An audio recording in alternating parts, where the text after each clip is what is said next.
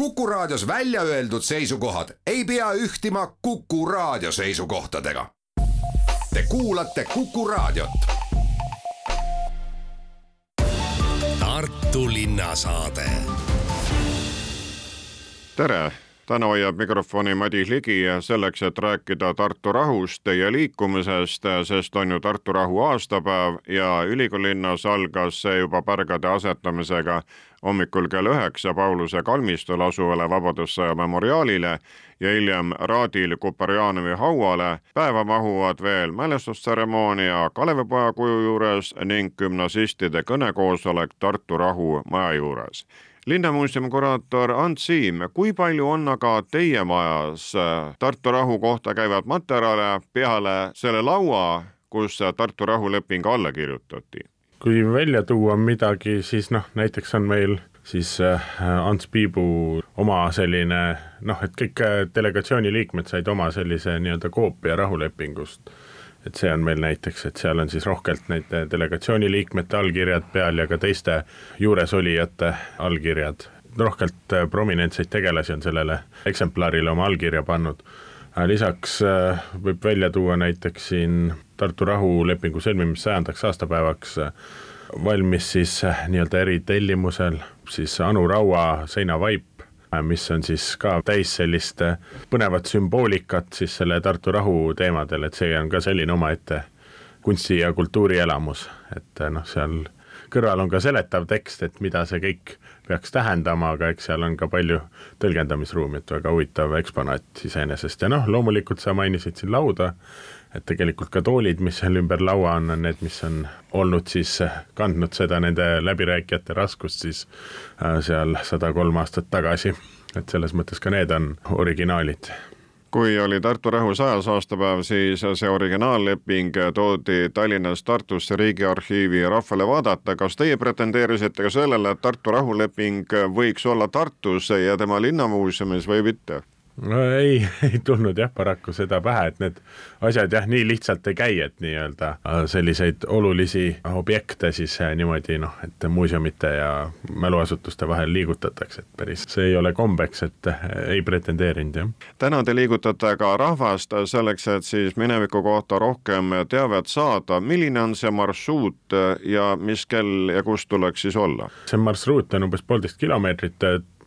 algab ta pihta siis äh, Eesti Üliõpilaste Seltsi maja juurest kella kolme paiku. et osalemine on siis äh, muuseumi piletiga, et äh, mõistlik oleks siis sularaha kaasa võtta ja võib siis nii öelda, et see marsruut kulgebki ütleme niimoodi läbi Tartu kesklinna, et Eesti Üliõpilaste Seltsi maja kui koht, kus siis allkirjad sai siis see nii-öelda teine Tartu rahuleping siis Soome ja Nõukogude Venemaa vahel samuti tuhande üheksasaja kahekümnendal aastal oktoobris, et seal peeti ka ju läbirääkimisi ja sõlmiti rahuleping. siis äh, lähme edasi siis selle kuulsa rahumaja juurde, seal vahepeal on ka punkte, millest rääkida, vaatame üle, kus siis äh, ööbiti, kus äh, aega veedeti seal rahuläbirääkimiste ajal, sest ega need, see rahuleping ei olnud selline asi, mis sai paika nii-öelda, et tuldi ühel päeval kokku, vaid ikka siin näiteks selle meie oma Eesti-Vene rahu Äh, läbirääkimiste protsess koha peal võttis umbes kaks kuud ja noh, siis see Soome ja Vene oma, see venis isegi nii nelja kuu kanti või isegi rohkem, et äh, selles mõttes äh, jah, et oli vaja ka neil siin tegutseda, aega viita ja sellest on ka nagu selliseid meenutusi, mille, millel see paljuski põhineb. et kaasaegsete meenutustel, et ja siis vaatame ka mõnda objekti, mida või kohta, mida enam ei ole, noh näiteks seesama Bellevue hotell, mis on, oli selle koha peal, kus praegu on siis see Janseni Koidula memoriaalplatsikene. Äh, et, äh, et seal siis ööbis näiteks Vene delegatsioon siis, kui Soomega läbi räägiti. ja noh, lõpp-punktina on siis Tartu Linnamuuseum, kus noh, rääkimata siis äh, Tartu rahumööblist nii-öelda, on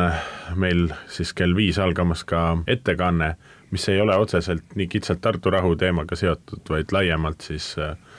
vabadussõja temaatika ja selle nii-öelda järelmitega, et nimelt äh, siis äh, kultuuriloolane Enn Lillemets kõneleb siis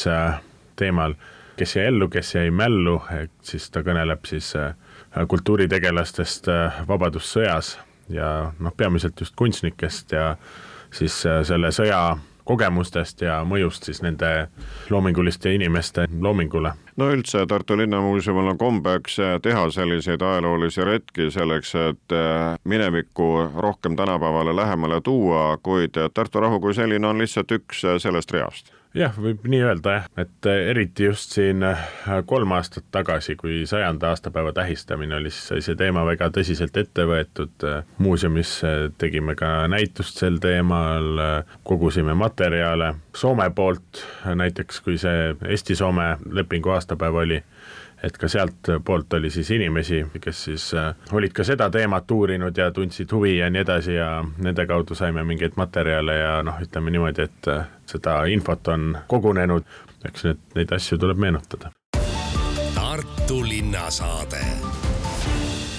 liikumisaasta puhul on liikumisest loomulikult palju juttu ja oleme praegu siin ülikooli spordihoones Tartus Õjula tänaval koos ülikooli liikumislabori juhi Merike Kulliga, et liikumisest veel rääkida liikumisuuringutest rääkida, liikumissoovitustest rääkida ja ka praegusest olukorrast. no meil avaneb siin pilt äh, ühtaegu nii kergejõustikuhalli kui ka jõusaali ja seda koguni kolmel korrusel. siin vändatakse ja aetakse tervist taga väga mitmeti ja väga mitmes eas. kas see on tavaline pilt? siin spordihoones on see küll tavaline pilt ja see praegu nagu väga rõõmustab ja on väga kooskõlas ka liikumissoovituste just selle osaga, et tuleb teha ka lihasjõudu arendavaid harjutusi harjutusi ja painduvust arendavaid harjutusi ja igas vanuses tuleb seda teha. ja nagu sa mainisid, tõesti, me näeme igas vanuses inimesi praegu tegutsemas. praegu on ka õhtune tund meil tööpäevana saanud ühele poole, koolid läbi ja sellepärast on ka tavalisest rahvast rohkem. kõik kohad on hõivatud. just ja hea meel on näha, et väga erinevaid oskusi arendatakse siin. näiteks siin on pallikäsitlusoskus ja samas arendatakse kehalisi võimeid, siin jõunäitajaid, et väga mitmekesine tegevus ja nii peabki olema, nii peabki eriti liikuma liikumisaastal. samas eh, siin on ikkagi ka need, kes on juba teadlikumad, kes käivad treeningutel või eh, siis eh, on kogu aeg oma keha eest hea seisnud ja teevad seda ka nüüd liikumisaastal. samas me muretseme selle pärast, et noored liiguvad liiga vähe, mida ütlevad liikumislabori uuringud? just, et võib-olla korra peatume ka sellel teemal, eelmine aasta läbi viidud uuring ja avaldatud uuring näitas meile siis väga selgelt objektiivsete andmete põhjal, kus siis äh, lapsed ja noored kandsid liikumisandureid, et vähem kui pooled tegelikult täidavad liikumissoovitusi. ja liikumissoovituste all me siis antud juhul peame silmas seda, et keskmiselt vähemalt kuuskümmend minutit päevas mõõdukas tempos liikumist, mis tähendab, et tekib vähemalt ikkagi kerge soojatunne. nii et alla poolte meie lastest täidavad siis liikumissoovitusi, nii et see on see koht, kus me kindlasti peaksime ja saame edasi areneda kuuskümmend minutit, eh, siis peaks kooli olema jala minnes kusagil vähemalt kuus-seitse kilomeetrit, kui rahulikult lähed, siis eh, saad oma sammud eh, tehtud ja aja täis jah, see on väga õige ja võib-olla see ongi just see üks koht, mida varasemalt vanema põlvkonna inimesed ongi loomulikul teel teinud ja me ise praegu täiskasvanutena oleme lastepäevades selle võimaluse ära võtnud, olles hoolivad lapsevanemad ja viies neid siis autoga nii kooli ja võib-olla ka treeningule ja sealt kaob nagu märgatav osa laste igapäevasest ja väga loomulikust liikumisest ära. nii et, et kui me mõtleme just seda, et kuhu suunas me saame nagu areneda või, või paremaks teha ja selliste ütleme, ilma väga no, suurte investeeringuteta, siis äh, see aktiivne päeva algus on väga oluline koht. Ja ma toon kohe näite Tartumaa arengustrateegiast kaks tuhat nelikümmend, mis siin värskelt-värskelt on valminud. seal on väga ilusasti kirja pandud selline eesmärk, et iga koolilapse päev algab liikumisõpetuse tunniga, see tähendab, nad tulevad jalgsi või rattaga kooli, nii et esimene kehalise kasvatuse tund on juba aktiivse koolitee näol juba tehtud mis on väga õige mõte. küll oleks hea, kui see strateegia läheks ka ellu, aga kui me vaataksime siis pärast seda strateegiat, seda täitmise tabelit, et siis protsent läheneks sajale. ja nii võikski olla ja iga lapse selline aktiivne päeva algus on väga oluline mitte ainult füüsilise tervise seisukohalt, aga kindlasti ka vaimse tervise seisukohalt, õppimise seisukohalt, meeleolu seisukohalt, kindlasti ka sõpradega suhtlemise võimalus vahetu, nii et, et seal on nagu kasutegureid on väga-väga palju ja, ja see võiks igal lapsel olla see võimalus tõesti vähemalt osa koolidest aktiivselt liikuda. ülikooli liikumislabor on kaasa aidanud ka sellele, et liikuma kutsuv kool saaks ikkagi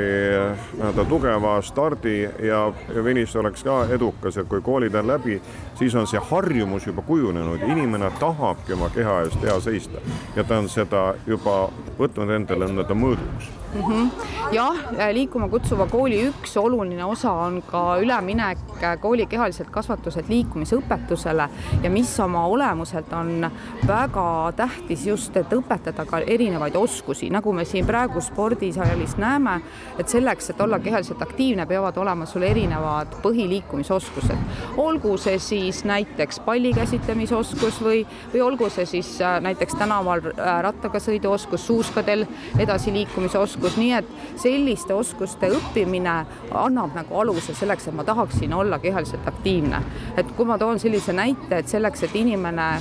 naudiks raamatu lugemist, siis tal peavad tähed selged olema. Ja liikumisoskuste puhul on täpselt seesama asi, sul peavad olema põhiliikumisoskused omandatud.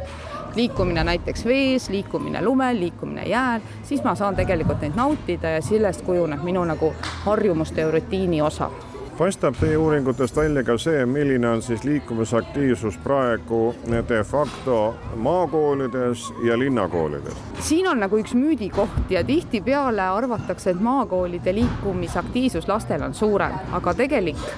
olukord kipub sagedasti näitama seda, et lapsed meil maakoolides liiguvad vähem, kui näiteks koolibuss toob. Nende treeningvõimaluste osakaal võib-olla või valikute võimalus on pigem väiksem ja koolibuss viib jälle tagasi. nii et selles osas kahjuks on äh, mõningate andmete alusel seda liikumist isegi maapiirkondades vähe, aga noh, see sõltub ka kohalikust omavalitsusest ja nendest võimalustest, mis siis kohapeal on olemas, näiteks noh, kas kergliiklusteed on kohapeal olemas ja kui palju on võimalus osaleda siis aktiivselt eri noh, huviringides. Aga samas ma võiksin nagu ikkagi, ma tahaks nagu positiivselt välja tuua selle, et me näeme Eestis ikka väga selget suunda selles osas, et mõelda läbi, kuidas luua neid võimalusi juurde. näiteks koolihoovid on muutumas üha enam selliseks liikumistaristute osaks, seal on ronimispuud, seal on erinevad võimalused jõudu teha, jõusaalid juba väljas on, nii et, et see suundumus, mis praegu on ka kohalikud omavalitsused võtnud, on ikkagi äh, selgelt sellele, et iga koolihoov võiks olla liikuma kutsuv ja ka kogukonnale avatud Merke Kull, kui te vaatate nüüd äh, ringi siin Tartu koolides, äh, mida siis linnapilt äh, ütleb? siinkohal ma pean väga kiitma Tartu linna, seepärast et Tartu linn on väga selgelt panustanud sellesse, et meil oleks vabalt kättesaadavaid liikumisvõimalusi, olgu need ühest küljest koolihoovid või olgu need välijõusaalid, et see ei oleks piiratud nagu rahaliste võimalustega ja väga selgelt siis ka koolide toetamine väikevahenditega, näiteks pallide, reketite, erinevate hüpitsate ja selliste vahenditega, mis tõesti annavad võimaluselt aktiivselt olla. Ja tegelikult me ju teame väga hästi, et Tartu on ikkagi kujunemas rattapealinnaks ja, ja mis annab väga palju liikumist juurde igal päeval inimestel minu põlvkond käis rattaga koolis, kui vähegi andis. muidugi talvel sai bussiga käidud, see oli hea trenn. jah, ma arvan, et siin me võiks võtta nagu eeskujuks Põhjamaad et meie oleme harjunud ju tegelikult rattaga pigem liikuma suvel või siis sügisel või kui ei ole nagu lund, aga see nagu selliste võimaluste tagamine, et ka talvel on rattateed hästi läbitavad ja ka lastele ja noortele, et see kindlasti on see koht, mida me veel paremini saame teha. Nii et ka talvel on võimalik rattaga liikuda. ma tean, et Soome liikuma kutsuvad koolid jälgivad väga selgelt seda suundumust, et kui paljudes koolides on, mis protsent lapsi näiteks ka talvel liigub rattaga kooli. mitu kehalise tundi on meie lähiriikide koolilastel? tegelikult äh, on enam-vähem, on Euroopas on see küllalt sarnane, see on kas kaks või kolm tundi, et see on suhteliselt sarnane ja siis omakorda mõnes kohas liituvad siis seal tõesti need koolispordivõimalused ja ja erinevad sellised linna poolt pakutavad võimalused, aga üldjuhul on see nagu sarnane nii kui tellimise peale astub praegu seal tagumisest trepist üles Tartu linnavalitsuse haridusosakonna juhataja, kes läheb ka pärast tööd treeningule. kuid Merike, räägime nüüd sellest tarkuse jagamisest. liikumisaasta puhul te olete olnud mitmete auditooriumite ees, te koolitate ka vabariigi kehalise kasvatuse õpetajaid, üldse liikumisõpetajaid kas see tarvidus on järjest suurem ning õpetajad räägivad, et tahaks aga saada uusi ideid ja sellist süsti, et asja paremini korraldada jah, et mul on nii hea meel öelda, et selliste erinevate liikumisoskuste, näiteks nagu äh, tantsimine ja tantsuoskus, praegu välja kuulutatud koolitusgrupid täitisid väga ruttu ja, ja samamoodi on ikkagi huvi ka sellistele aladele nagu matkamine ja võib-olla, mis pole olnud nii traditsiooniliselt meie kehalises kasvatuses. nii et see huvi on igal juhul olemas ja praegu siin mööda Eestit ringi sõites, siin olime just Pärnumaal ja Hiiumaal, siis see huvi ja tahe äh, liikumisõpetuse mõtestamiste ja koolituste vastu on tõesti kõrge, et et see on hästi positiivne ja tore on näha, et õpetajad tõesti tunnevad huvi, et mida annaks veel juurde tuua. Ma usun, et see kehalise kasvatuse uuenemine liikumisõpetuseks on ühiskonnas ikkagi päris palju diskussiooni tekitanud ja küsimusi tekitanud, et kas see on vajalik. Ja me näeme praegu, et üha enam on ikkagi sellist positiivset ja huvi ja tahtmist ja me näeme palju õpetajaid, kes on nii ägedalt lahendanud oma tunnid juba ära, õpetades suvel selle supplauaga sõitmist käies praegu suusatundides erinevates kohtades või siis siin Kutsemäel, et tegelikult seda vabadust nüüd õpetajal äh, otsustada ja, ja pakkuda selliseid noortele põnevaid alasid on palju rohkem või näiteks ka diskgolfi näide, et sa saad juba koolitunnis need põhioskused kätte ja nädalavahetusel sa võid siis juba oma vanematele minna õpetama neid põhioskusi, nii et selles mõttes on ikka väga positiivsed muutused eelmisel nädalal käisin ühe teise saate jaoks Kütioru suusakeskuses ja sealsed mehed ütlesid, et Kütiorus loomulikult lund jagub ja kahurid toodavad seda juurde, et läinud aastal oli kaks tuhat kakssada Võrumaa koolilast käinud siis seda esimest maiku suhu saamas, kuidas mäest on alla suusatada, aga seda koostöös omavalitsustega. kõigil loomulikult ei ole nii häid tingimusi ette panna, ehk loodus ei ole neile neid kätte mänginud, igal pool ei ole mägesid, kuid iseenesest see, et et nad tahavad, üheskoos tahavad, see on hea, küll nad hakkavad siis hiljem ka käima. jah, see on väga õige, see on seesama, et sa saad selle põhiliikumisoskuse ja tunde kätte, et ma saan hakkama, sa saad selle esimesega edutunde, et see on võimalik õppida, et see on ääretult oluline ja väga positiivne, kui kohalik omavalitsus veel omakorda toetab. Nii et, et see esmane nagu eduelamus on ka liikumisõpetusel kindlasti üks eesmärkidest, et ma ei karda neid asju, ma julgen katsetada ja ma tean, et ma saan hakkama ja, ja küll ta meeldib. Jah kui liikumislabor nüüd koolitab ja õpetab siin, käis juba teiste maade kogemus natukene läbi, mida tehakse Soomes, mida tehakse Rootsis, no Norrast rääkimata nüüd talvisel ajal Need ei olegi vahel kui suuskade peal ja tulemused kõnelevad enda eest, kuid kellelt me võiksime veel siis eeskuju võtta, snitti võtta, et me regulaarselt seisaksime oma keha eest head, oleksimegi aktiivselt liikuma ja tervis parem mm. -hmm. ma arvan, et need põhitõed on ikkagi eri riikides samad, eri riigid lähtuvad selle põhisoovitusest, et ma ütlen selle veel korra siis ka üle, et see on vähemalt kuuskümmend minutit päevas liikumist ja väga palju ikkagi ka Soome kolleegid, Norra, Rootsi kolleegid toovad seda igapäeva liikumise osatähtsust, seesama, millest me alustasime, et sa ikkagi liigud erinevate objektide vahel ja sa saad sellise kehalise kirjaoskuse oma koolihariduse raames kätte, et sa saad need oskused. nii et see on nagu selline läbiv suund ja me teeme väga head koostööd nendega ning ma julgen juurde tuua ka kindlasti selliste uuema teemana, mida me just siin koos Põhjamaadega teeme, on siis need liikuma kutsuvad keskkonnad. et milline keskkond iseenesest paneb juba liikuma ja kutsub kaasa tegema nii et nagu ilus Tartu maratoni suusarada ju kutsub liikuma, siis äh, alati ei ole kõigil võimalust sinna kohe juurde pääseda, aga meie lähikeskkonnad, meie kodude ümbrused, meie kooli ja kõik lasteasutused võiksid olla siis kujundatud sellistest liikuma kutsuvatest põhimõtetest. Ja kui meil ei ole igal pool õunapuid, kuhu otsa ronida, siis on see võib-olla mõni turniku ehitamine või kiige ülespanemine, nii et, et on põhjust õue minna. Ja õue teema on ka Põhjamaadel üks läbiv teema et iga päev õues viibimine ja õppimine õues olla, mis riidesse panna ja mida seal õues teha saab. kallid kuulajad, täna olid teiega Tartu Linnamuuseumi kuraator Ants Siim, kes ootab ajaloohuvilisi pärastlõunal toimuvale ajalooretkele, mis pühendatud tänasele Tartu rahu aastapäevale. liikumisest, liikumissoovitustest, uuringutest, koolitustest nii Tartus kui ka mujal vabariigis ja teistes riikides andis ülevaate Tartu Ülikooli liikumislabori juhataja Merike Kull. Neid usutles Madis Ligi. aitäh kuulamast, olge terved. Tartu linnasaade